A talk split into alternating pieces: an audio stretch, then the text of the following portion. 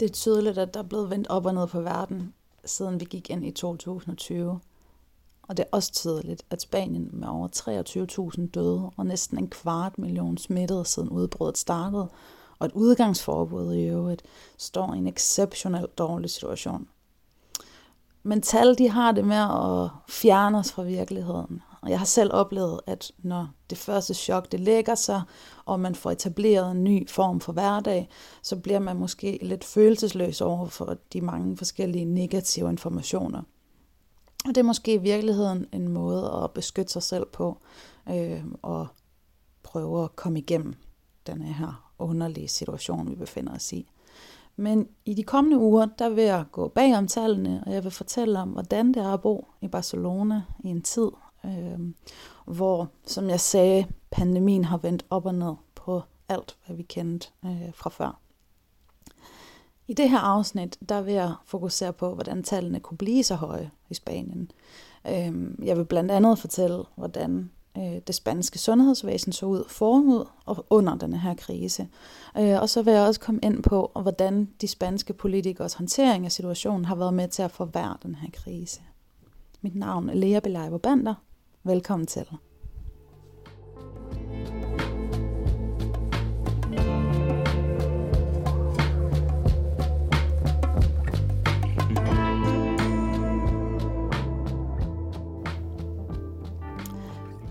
Relativt set, så kan man sige, at det går bedre øh, i Spanien. Tallene for øh, nye smittede og døde falder dagligt, og den 24. april var den første dag, hvor antallet af raskmeldte patienter overgik antallet af nye smittede.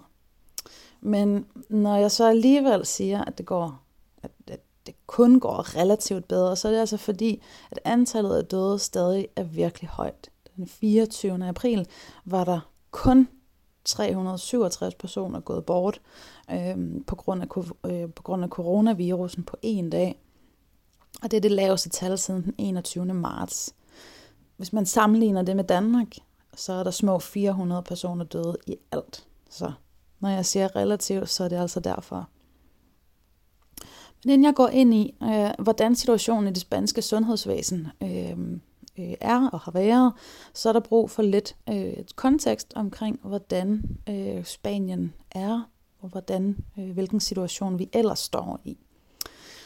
Øhm, så på nuværende tidspunkt, der har vi haft udgangsforbud siden den 14. marts. Det betyder, at hvis man skal tælle det på uger, så er vi på vej ind i 6. uge. Øhm, og udgangsforbuddet det blev en realitet, da den spanske premierminister Pedro Sánchez udstedte en estado de alarma. Øhm, og det kan man oversætte til en nødsituation. Øhm, og denne her estado de alarma, det er den mildeste form for undtagelsestilstand øh, i den spanske forfatning. Øh, konkret så betød det, at man inddragede de regionale selvstyre delvist. Øhm, og hvad betyder det her med regionale selvstyre? Det betyder, at Spanien er en stat, som har en central regering i Madrid, og samtidig har 17 selvstyrende regioner og, og, og to selvstyrende byer. Øhm, og de her selvstyrende regioner og byer, de har selvbestemmelse over områder som for eksempel sundhed, øh, uddannelsessystem, bevægelighed. Øhm, for bare at nævne nogle stykker. Øhm, og netop de her tre områder, øh, blandt andet overtog Madrid, øh, centralregeringen i Madrid, kontrollen over øh, med henblik på at styre og regulere ens øh, fra Madrid. Øhm, og det var så også med denne her ordre, at et nationalt udgangsforbud blev en realitet. Så det betød altså, at fra den 14. marts, der måtte man kun bevæge sig uden for sit hjem, hvis man skulle på arbejde, eller på sygehuset, eller til lægen, øh, hvis man skulle handle ind, eller andre øh, nødvendige ting. Øh, gå en tur med sin hund for eksempel. Øhm, så det her med at bevæge sig udenfor for at gå en tur, eller motionere, øh, eller tage væk i sit sommerhus for eksempel, øh, det blev forbudt. Øhm, og samtidig så lukkede man også øh, landets grænser, og alle turister blev i hele øh, marts måned opfordret til at, at vende hjem til deres lande. Og siden øh, den 14. marts, øh, der er denne her estado de alarma blevet forlænget øh, tre gange, hver gang med, med små ændringer. Den seneste ændring, som også er en, en, en relativt stor øh, lempelse, det er, at øh, børn under øh, til og med 13 år må, øh, må gå en tur. Og det er altså fordi, at børn indtil videre, øh, indtil nu har været den gruppe, der på, ingen tid, på intet tidspunkt øh, har har haft en grund til øh, at gå ud. Denne her situation, øh, både denne her estado de alarma øh, og de, øh, de, de meget høje tal, øh, virker meget ekstremt, og det er ekstremt. Øh, men hvordan kunne det gå øh, så galt? Og øh, som jeg nævnte før, så kan der grundlæggende findes to forklaringer på, hvorfor det er, at Spanien befinder sig i denne her nuværende situation. Øhm, på den ene side, så kan man pege på øh, mangel på hurtig politisk handling. Og det er både på nationalt og regionalt plan. Øhm, på den anden side, så øh, har Spanien og regionerne et i forvejen overbelastet sundhedsvæsen, som slet ikke var rustet til den her form for krise. Og det er her, hvor at jeg starter.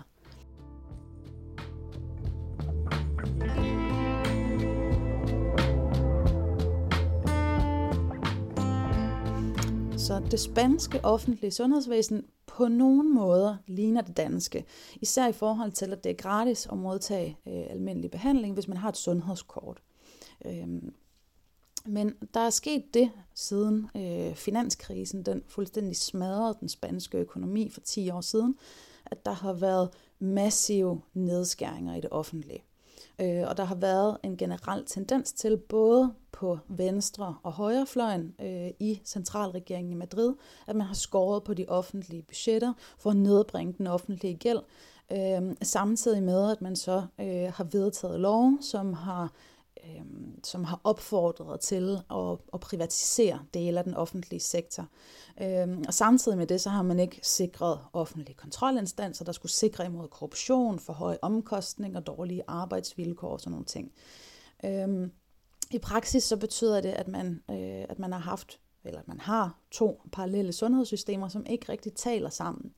Øh, men i dag, der vil jeg altså tale om den offentlige, øh, det offentlige sygehusvæsen, eller sundhedsvæsen. Øh, som jeg nævnte før, så blev det, øh, så bliver sundhedssystemet, det bliver styret af hver øh, region. Så, øh, så her i Katalonien, øh, øh, der har der siden 2010 nærmest årligt blevet skåret øh, i budgetterne det, på den måde, det kommer til udtryk på, det er, at der har været et fald af læger, der har været et fald af hospitalsenge, lønninger og ressourcer generelt. Øhm, hvis man skal se lidt nærmere på det, så betyder det, at siden finanskrisen, der er der 15% færre læger i det offentlige system. Altså man har, man har stoppet med at ansætte, når folk de enten har trådt ud af sektoren, eller de er øh, gået på pension og sådan nogle ting. Øhm, og der er også 9% færre offentlige hospitalspladser hospitalsengen for eksempel. Så det betyder så i praksis, at øh, der er lange ventetider for befolkningen, og for sundhedspersonalet øh, betyder det, at de allerede før den her pandemi havde fået flere patienter per person, samtidig med, at de måtte arbejde flere timer øh, for den samme eller for lavere løn. Øhm, og det, som man så i stedet for gjorde, det var at, at kigge imod, altså det, som, som regeringerne de begyndte at gøre, det var at investere i teknologi, som kunne øh, så at sige tage over for det, øh, for det fysiske personale. Øhm, og man kan sige, ja ja, øhm, øhm, det samme sker jo i høj grad for eksempel i Danmark. Men det skal så også siges, at i forvejen der ligger både Spanien og Katalonien øh, under et europæisk gennemsnit for andel af BNP brugt på sundhedssektoren. Øhm, og det er altså både, hvis man lægger udgifterne til det offentlige og det private sundhedssystem øh, sammen. Så, øh, så det betyder altså, at, at da pandemien ramte, der var sundhedssektoren overhovedet ikke parat. Øh, hverken i forhold til bemanding eller materialer som værnemidler, øh, respiratorer øh, og intensivsenge. Øhm, og det her med at finde materialer eller værnemidler til lægerne, det var en svær situation, og det handlede både om, at mange af værnemidlerne skulle komme fra Kina, øh, men også fordi, at, at, øh, at undtagelsestilstanden, øh, den ændrede ruten. Øh, så, så det vil sige, at værnemidler som masker og kåber, som var blevet bestilt øh, af og til Katalonien, de først blev omdirigeret til Madrid, fordi at centralregeringen skulle forfordele de her, øh, de her værnemidler til regionerne. Og det resulterede så i yderligere forsinkelser. En af de konsekvenser, som det så har haft, det er, at Spanien i april måned øh, har denne her øh, virkelig øh, Øh, negative rekord i at have øh, den højeste andel af smittet sundhedspersonale. Øh, det, hvad hedder det, de, de sundhedspersonalet udgjorde over 15 procent af alle smittede. Altså det er faktisk et virkelig, virkelig højt øh, tal. Så jeg har talt med en almen praktiserende læge, som fortalte mig, at halvdelen af kollegaerne i hans praksis øh, har været eller er smittet. Øh, og at det blandt andet er fordi, at ordrene fra oven har været uklare, eller de har skiftet procedurerne. Det hele har været sådan lidt øh, ja, det har været en omskiftende situation, men især det, der har været problemet, og det, der har skabt mere smitte, det har været, at de har, fordi de har manglet helt kritisk værnemidler. Han fortæller, at de på hans klinik i begyndelsen af den her pandemi havde fået masker, som ikke beskyttede mod smitte. Øhm, og de fik besked om, at de skulle genbruge de her masker, og også at de skulle genbruge de engangskåber, som de havde fået, fordi der ikke var nok til alle. Det er jo et kæmpe stort problem.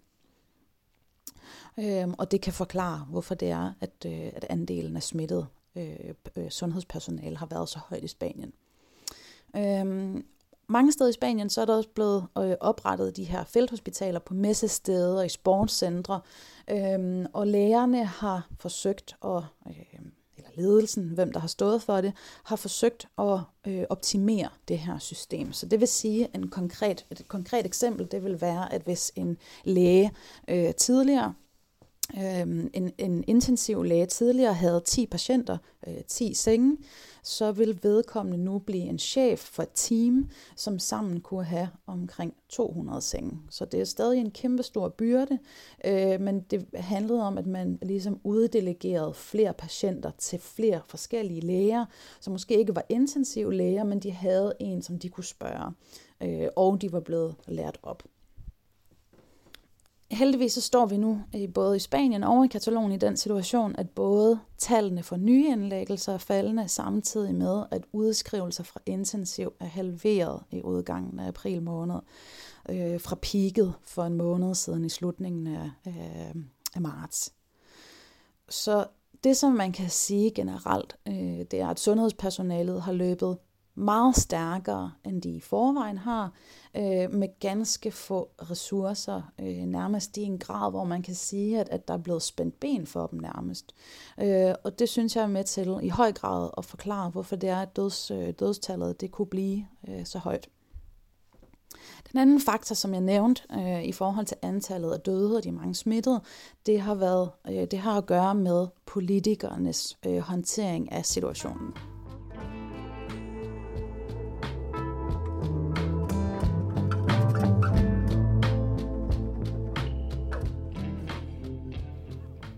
Da Spanien lukkede øh, den 14. marts, der var antallet af smittede allerede op på over 5.000 personer, og 63 mennesker var allerede døde på landsplan.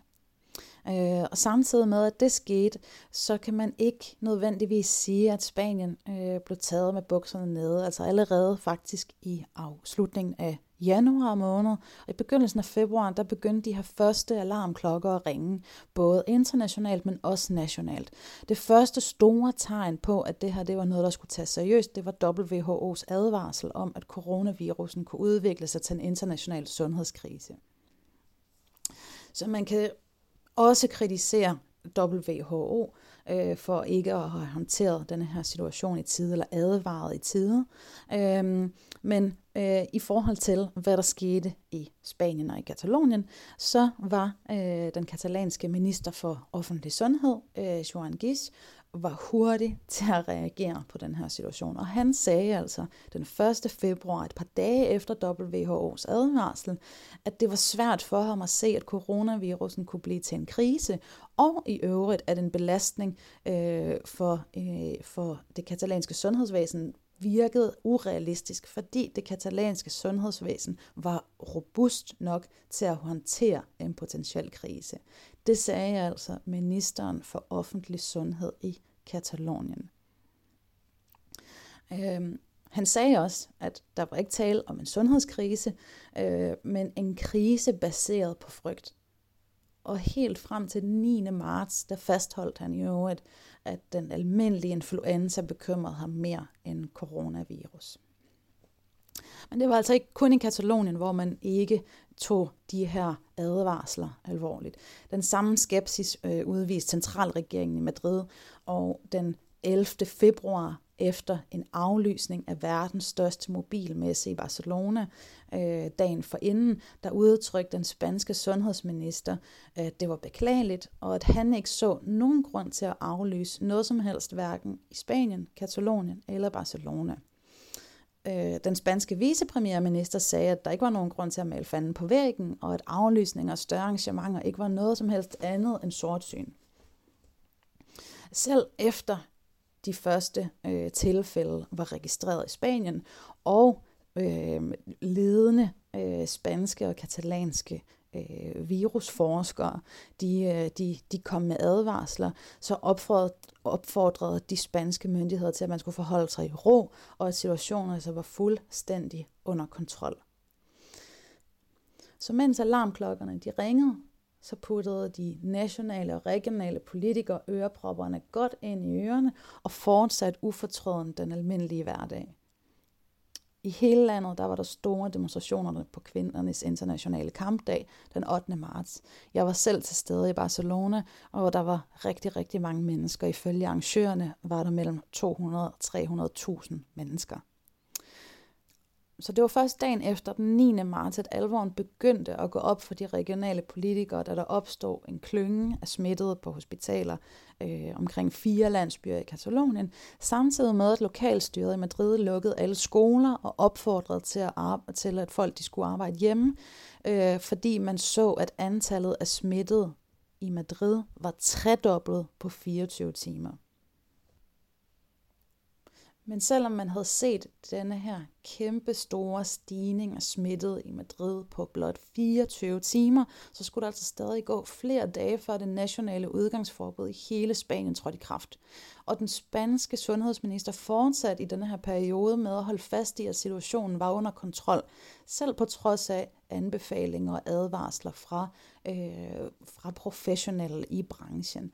Øh, men med coronavirusens ekspon- eksponentielle stigning, så var der ikke nogen tvivl om, at det her det umuligt ikke ville kunne overbelaste og knække sundhedsvæsenet, hvis man ikke skred drastisk til værks. Det kunne de i det mindste se. Så hvor står vi nu? Så som sagt, vi er gået ind i uge 6 af udgangsforbuddet med lempelser denne her gang, øh, og tallet er heldigvis på vej i den rigtige retning. Vi ved selvfølgelig ikke, hvad vi har i vente, eller hvornår vi kan regne med at få en eller anden form for hverdag, end den vi har vendet os til den sidste måned. Det eneste, der er helt sikkert, er, at de spanske politikere har handlet dårligt, blandt andet på grund af en helt urealistisk idé om sundhedssystemets evne til at klare en pandemi. Men at have en helt urealistisk idé om, hvordan noget er i virkeligheden, er det desværre en generelt sygdom, som mange spanske politikere lider af, og led af allerede før denne her pandemi. I næste afsnit, der vil jeg tale med en katalansk læge i Barcelona, hvor jeg blandt andet vil spørge ham om, hvordan det har været at være læge midt i en pandemi. Tusind tak for at lytte med. Læg endelig en kommentar del den her podcast.